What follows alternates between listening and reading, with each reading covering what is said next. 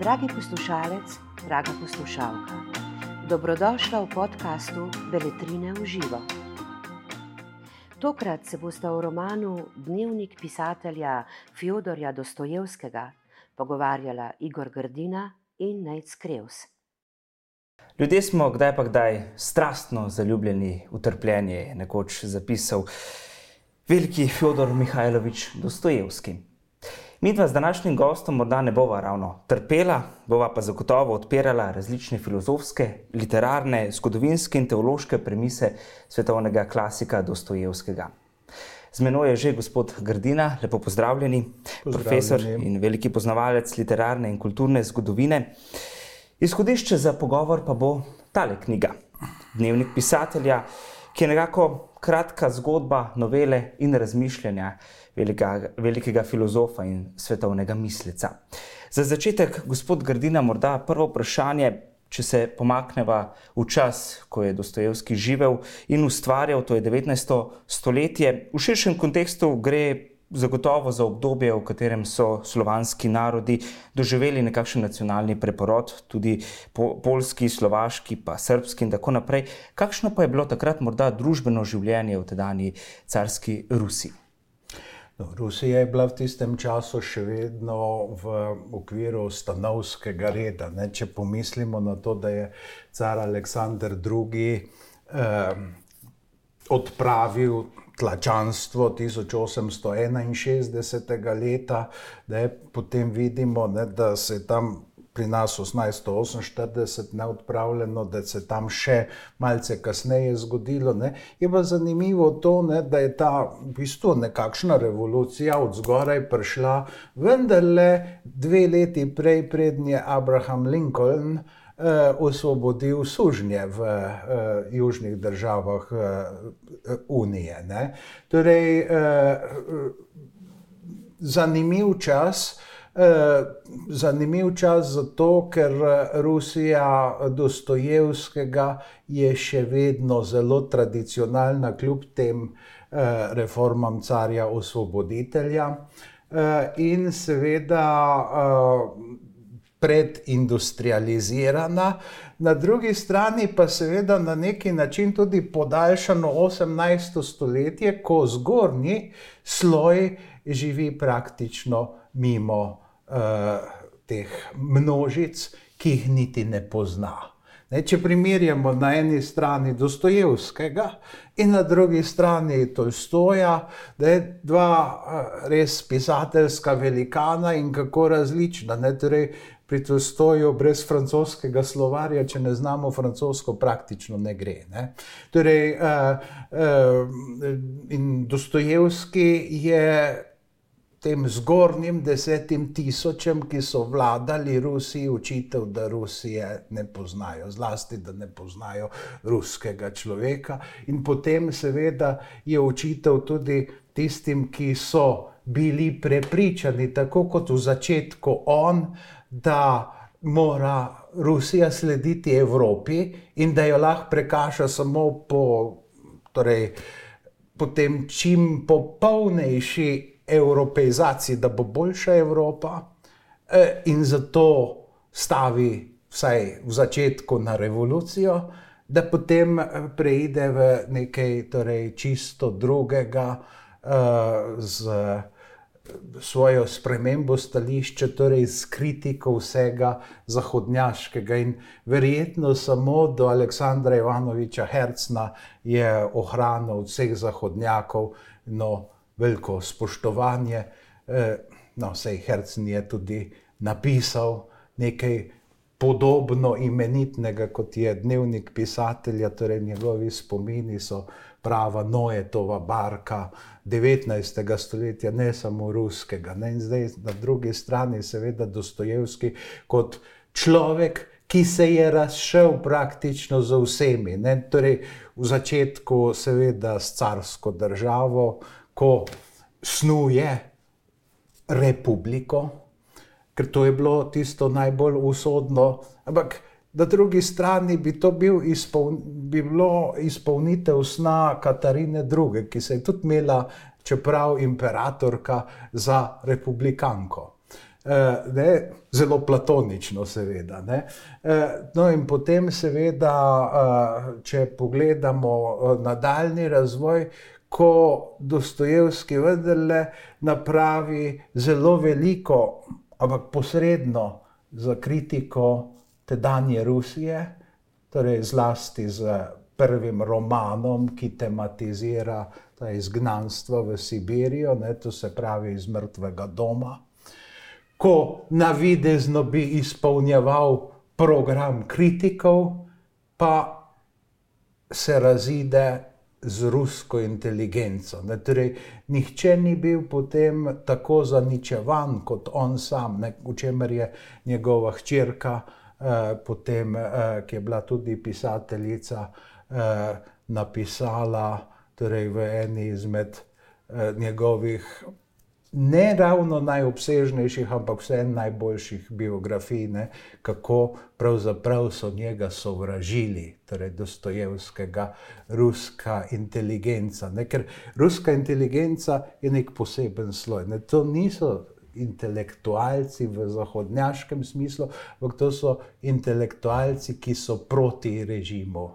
Torej, to je. Uh, uh, ni za dost uh, biti izobražen, ampak moraš imeti do režima takšen in takšno in takšno stališče. Edino herc nekaj časa pomišlja ne, na to, ali morda pa te reforme Aleksandra II. Uh, obetajo torej drugačno Rusijo, zahodnjaško Rusijo, in potem vemo, ne, da uh, v, ob koncu car tudi snuje nekaj, kar naj bi vodilo k ustavi. Morda celo tisti dan bi podpisal, ko je bil potem izvršen atentat. Ne? Atentat, ki ga je na neki način pa.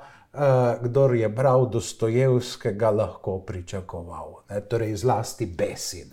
Torej, Rusija je zelo nenavadna država, ne? torej, država, ki je premagala Napoleona.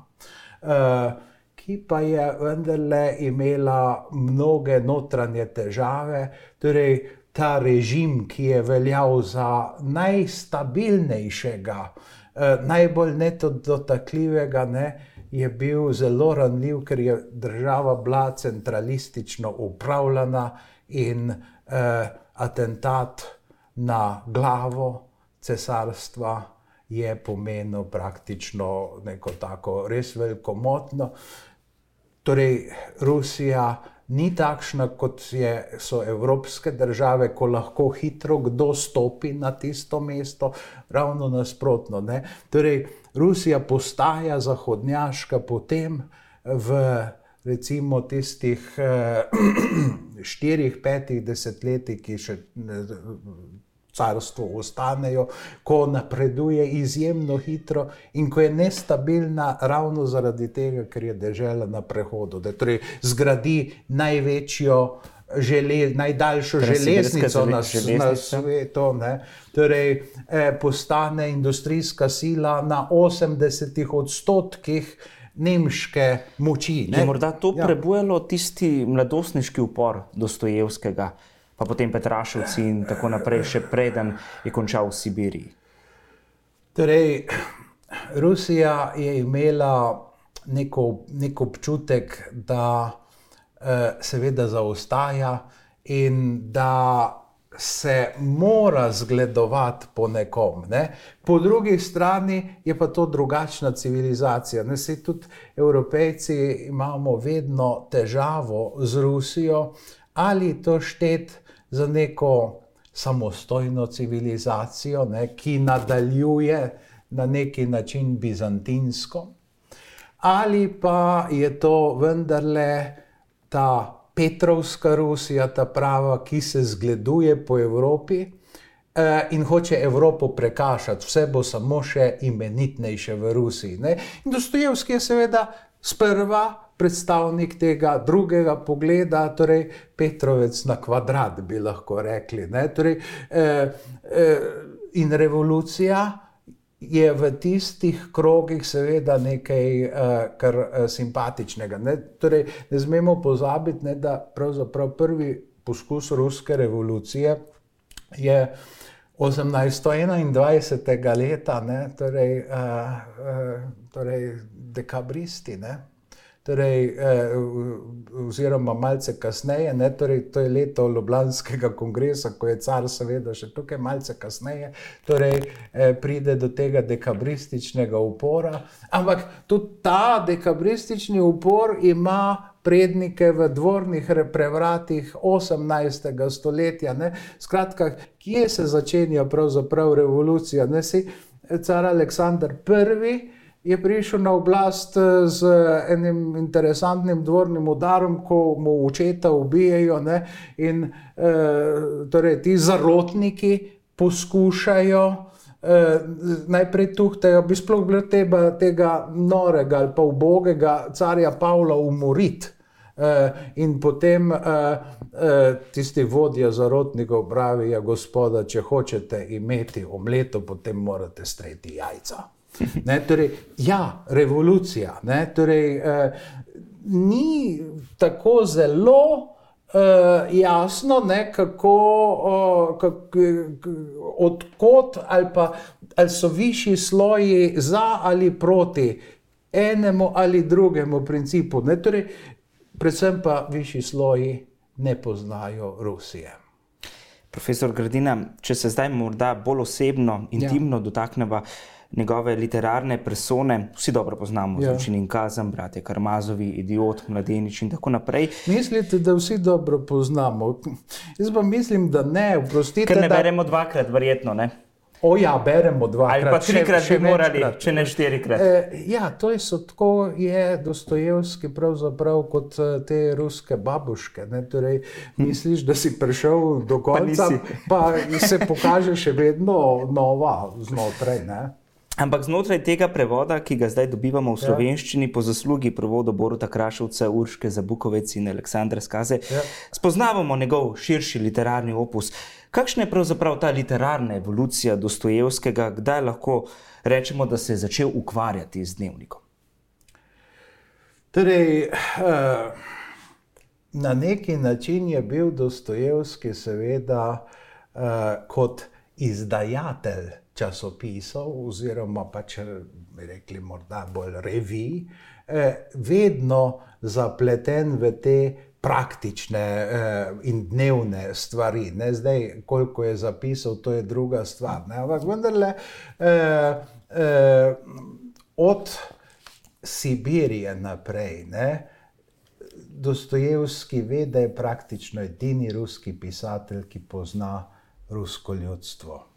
Uh, in ima popolnoma drugačen odnos do, do, do uh, preprostih ljudi, tudi do zločincev, kot vsi drugi ruski pisatelji, namreč razumevanje in tudi ljubezen. Medtem ko pri zahodnjakih je to kritika. Vsi vzamete slovensko literaturo, ne, kaj je cankar drugega kot ena sama kritika. E, Zadnjič je bil simpozij v Josipu Jurčiču ne, in se mi zdi, da je profesor Pereničeva lepo pokazala, kako je kozlovska sodba ena velika kritika slovencev. Ne. To je zahodnjaški princip.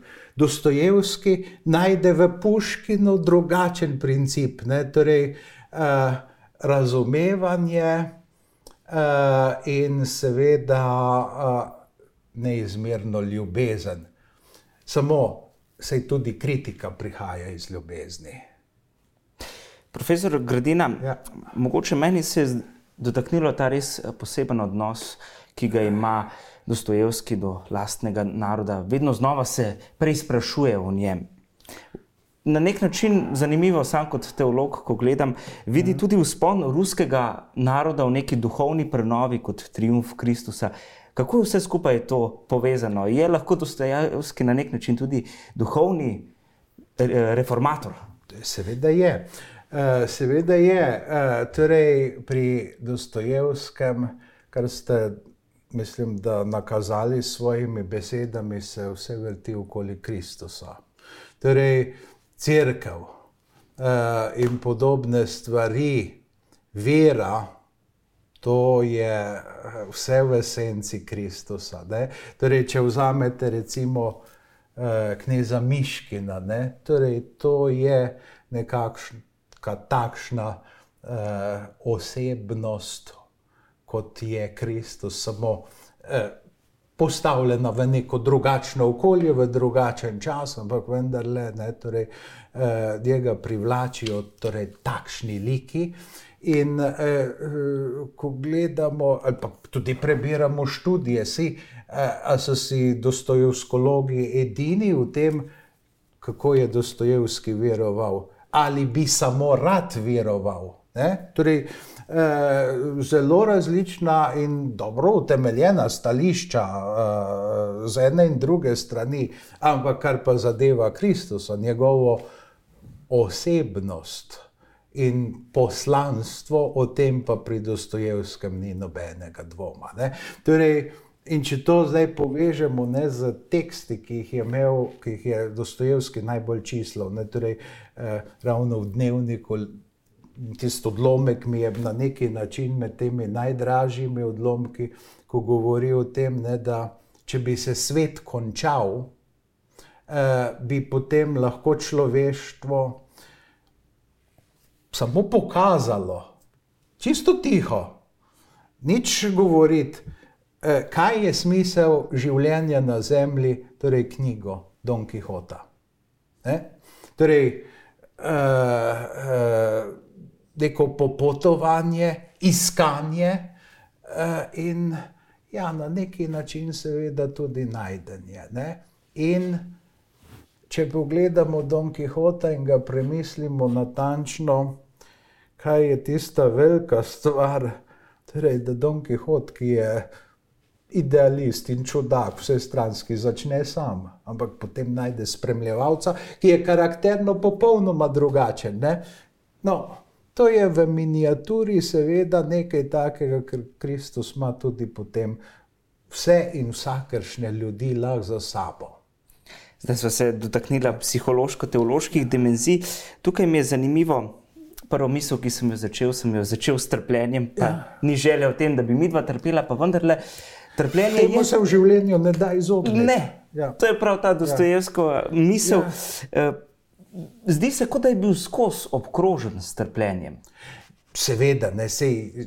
Torej, če prebiramo njegove biografije, začenši torej s to, ki se meni zdi najzanimivejša, ki jo je hčerka napisala, torej, ko govori o nesrečah njegovih ljubezni, ne, torej, tam do poznih, ja, do srede 40 let, torej obdobje strasti mu ni prineslo praktično ničesar. Potem, ko išče zvestobo, potem je pa, uh, bi rekli, nagrajen. Ne? Torej, uh, ko stopi iz nekih, uh, nekih uh, običajnih predstav. Ampak to je tudi, seveda, čas, ko je Dostojevski tudi v uh, miselnosti že postal poseben. Ne?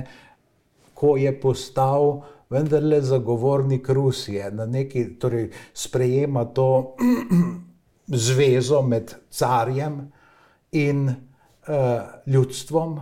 Ki je edinstvena, pravzaprav, vsaj konceptualno, ne? ampak hkrati na drugi strani, ne, če pogledamo čisto na koncu, torej je on prijatelj ideologa, pa je donosceva. Ampak, ko mu pa bjedonoscev pove, kje pri Karamazovih bi bilo treba malo drugače zasukati, se pa konča.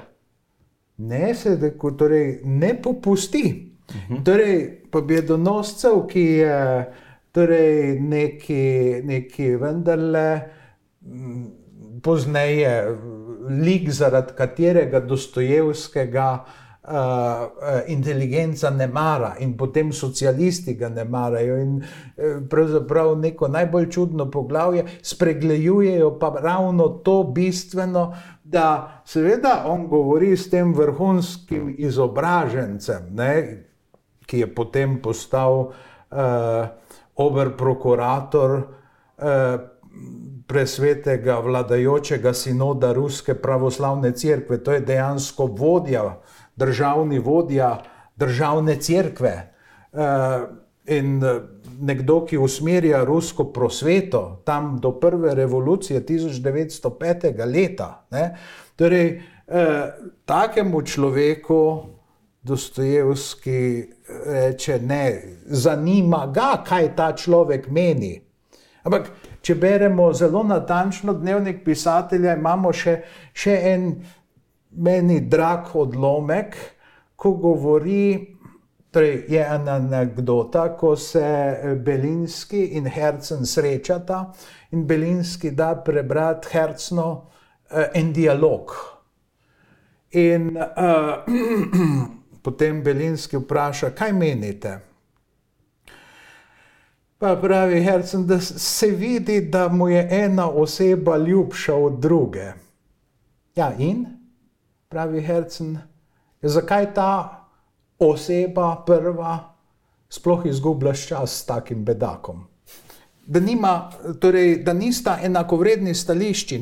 Torej, in to je tisto, kar je Dostojevskega pri pisanju vendarle nosilo in kar ga dela za izjemnega, ne? torej, da so vsa stališča zagovarjana optimalno. Ne? In torej, ko se je on pogovarjal s pobjedonoscem, verjetno za marsičem niste strinjali, ampak torej, oboje, vsako stališče je bilo optimalno zagovarjano. Torej, tudi to carsko samodržavje, ne, če berete potem spise pobjedonoscev, kaj piše recimo o moderni zahodnjaški državi, ne, o strankah, ki pravijo, da zagovarjajo, uh, da zagovarjajo uh, ljudsko voljo. Ja, kako? Ker samo nekaj ljudi res lahko misli enako. Torej, kaj so potem stranke moderne? Interesna združenja, kjer so približno enakega mnenja, ali pa celo to ne, torej neka skupina, ki se združi preprosto zato, da bo vladala. Medtem ko car z svojo torej, nezainteresiranostjo za prvenstvo katerekoli skupine, pa bo Rusijo upravljal optimalno. Ne. To je mogoče naivna misel, ne. ampak eh, morate pa priznati, da je logično izpeljano. Ne. Torej, eh, in eh, oponirati zdaj to na nekem teoretičnem nivoju. Ne. Je pa res tudi, je težko. Ne? Je pa res, ne, da je morda uh, Dostojevskega hčerka dala ključ, uh, kako je Dostojevski lahko tako optimalno zagovarjal tako zelo različna stališča, da so njegove osebe v resnici žive. Zato, ker je vzel sebe v nekem obdobju, torej eh, ona prepoznava v Ivanu Karamazovu, Dostojevskega, torej svojega očeta. Eh, v tisti revolucionarni fazi, ne, torej zgodnjega pisatelja, ki je všeč Belinskemu. Ne. Eh, na drugi strani, seveda, odmeva pozni Dostojevski v drugih likih. On je vse to doživel in zato je lahko optimalno zagovarjal vsako stališče, torej vsaka njegova oseba, pa tudi torej tisti revolucionari, ki so jih, recimo, on kot uh, nekdo, ki piše dnevnik pisatelja, njihova stališča najbolj obsoja, ampak v romanih so prikazani oziroma zagovarjani optimalno. Profesor Grdina, zdi se mi, da njegove miselne figure vedno znova v njegovih razmišljanjih postanejo pravi reki. Da nimo dnevnik 1873 se mi je odprlo duhovito, po drugi strani pa predvsej družbeno angažirano razmišljanje o laganju. Rusi se bojijo resnice, zato lažejo. Na vides preprosta misel, ki se tako izrazito izrazi. Se vam zdi morda, da je Dostojevski svoje stališča tako optimalno zazrl prav s tem svojim etosom, da se poglobi vsako stvar tako izrazito močno? Kdo je dal toliko skozi, kot je dal Dostojevski, doživel toliko izdaj. Uh, in hkrati uh, tako pozorno prisluškoval uh, vsakemu stališču. Ne, torej, anekdota ki je najbrž zelo resnična, je, da je pri teh krožkih, ne, zaradi katerih je bil on obsojen na smrt, srečal svoja dva brata. In enega je takoj nagnal, enega je pa uspel potem s svojim govorjenjem na neki način izvleči iz preiskave. Ne? Torej, uh, tu je na delu en uh, velik etos, ki se kaže v razmerju, seveda, pravzaprav ne v razmerju na robe, sem rekel, v odnosu do drugega človeka. Ne? In potem, seveda, ko je tam kaj v Omsku, uh, samo ob Bibliji, ki so mu jo podarile žene teh dekabristov, ne, torej, ki so tam po smrti Aleksandra I. Uh, Ti dekabristi poskušali izvesti torej to revolucijo, uh, prvo rusko revolucijo, in ko ni uspelo, in so bili torej, te ženske šle, ki jim ne bi bilo treba, v izgnanstvo, torej z možmi. Tam, kaj Dostojevskemu darujejo Biblijo in nekaj denarja. Ne? Torej, tam, kaj vidi, ne, da uh, ljudje, ki jih tako kritizirajo evropejci, so v svojem bistvu drugačni, vsaj Rusi. Ne? E, vsaj Rusi, ne? on to povezuje z ruskostjo. Ne? Zdaj, to ni mogoče v Evropi, to pustimo zdaj le v hipu strani, ampak eh, Dostojevski je videl eh, tukaj tudi prihodnost, seveda, eh, Rusije. Ne? Je pa res, ne, po drugi strani, ko on govori o Rusih, eh, pa v drugih, ne, torej je pa mnogo tudi stereotipov. Ne. Tukaj vidimo, kaj pravi recimo o Judih. Ne. Če ne bi šlo za Dostojevskega, bi ga takoj obsodili, da je antisemit. In to hud antisemit, mogoče celo tisti, eh, na katerega se pozneje pogromaši sklicujejo. Ne. Eh, torej, eh, je pa res po drugi strani, da v romanih pa ni takih poenostavitev. Torej, eh, ima tudi eh, jude za prijatelje in jih opisuje pozitivno. Torej, eh, dnevnik pisatelja je vendarle na neki način eh, tudi eh, ta dnevni Dostojevski, glede na, pisa, na, na tistega romanesknega Dostojevskega, je malce reduciran. Eh, To je težko reči, ker na neki način priporočava knjigo, ne? ampak na drugi strani je pa uh, torej to, da je takšen Dostojevski lahko napisal romane, ki, kjer si je dobesedno stal na ramah, vendarle uh, torej tudi najboljše priporočilo za njega kot avtorja romanov. Ne, torej, eh, to je nekaj, kaj bi rekli, no, ne ravno neko surovo gradivo ali kaj podobnega, ne, ali pa tudi ne samo poskusi, ne, kam misel gre lahko. Ne, torej, to je, ne, ker to ni tisti dnevnik, ne, dragi dnevnik, danes sem bil tu in tam.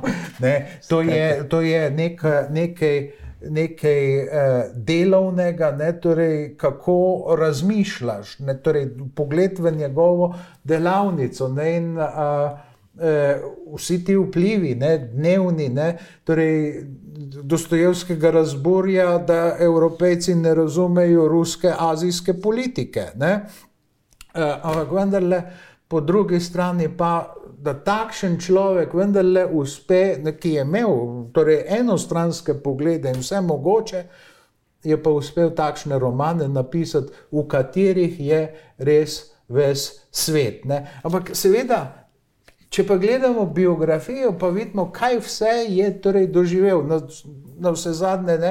car Aleksandr II., ne? to je zadnji veliki car, kot ga danes imenujejo, je njemu osebno, ne, torej po pismu, omogočil, da se je vrnil v Peterburg.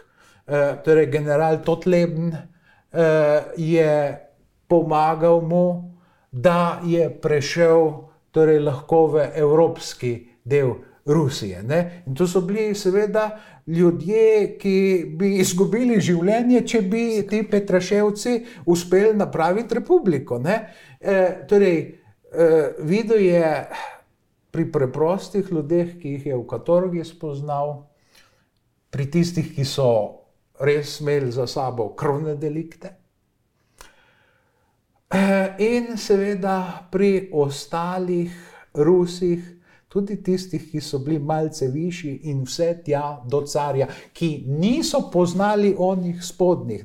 Torej, eh, zato pa je njegov svet je nepreprost ne? in veličina, recimo Dostojevskega, eh, je ravno v tem, da ničesar ne poenostavlja. Ne? Torej, eh, eh, Ostane v svoji formi. To vedno, ne, eh, mislim, vedno. Sej, to se mi poraja tisto vprašanje, ne, ker je tudi mučilo Stefana Cvajga.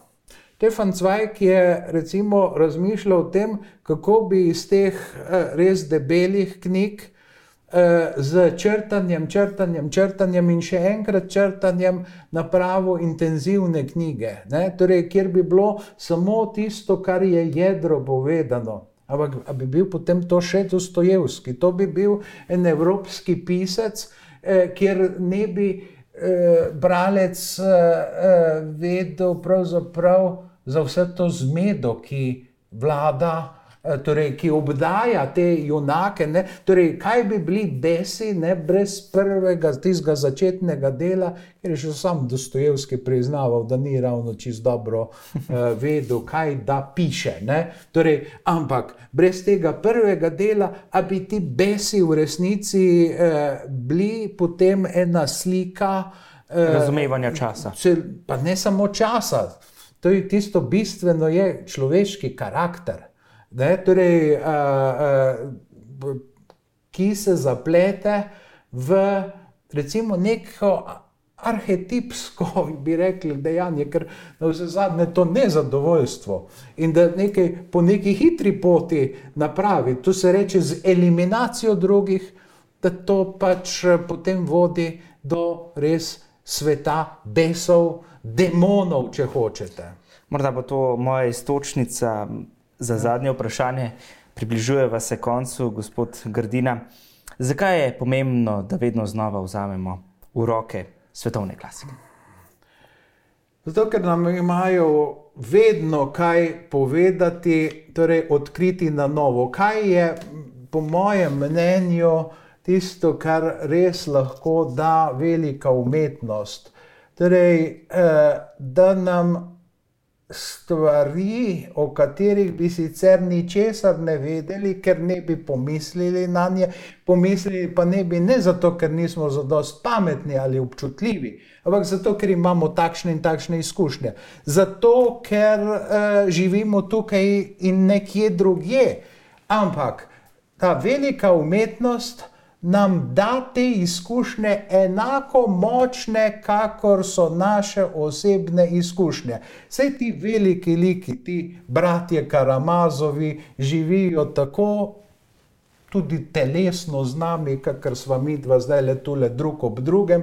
In to je tista uh, značilnost in tudi lastnost, bi rekel, tudi kondicijo sine qua non ene velike umetnosti. Zato je to bistveno, torej, eh, ja, poznamo svet in poznamo ljudi. Gospod Grdina, najlepša hvala za vaše vse lucidne misli. Hvala za priložnost, da sem jih imel možnost izreči. Gledalke in gledalci, vabeni k branju. Najlepša hvala za vašo pozornost.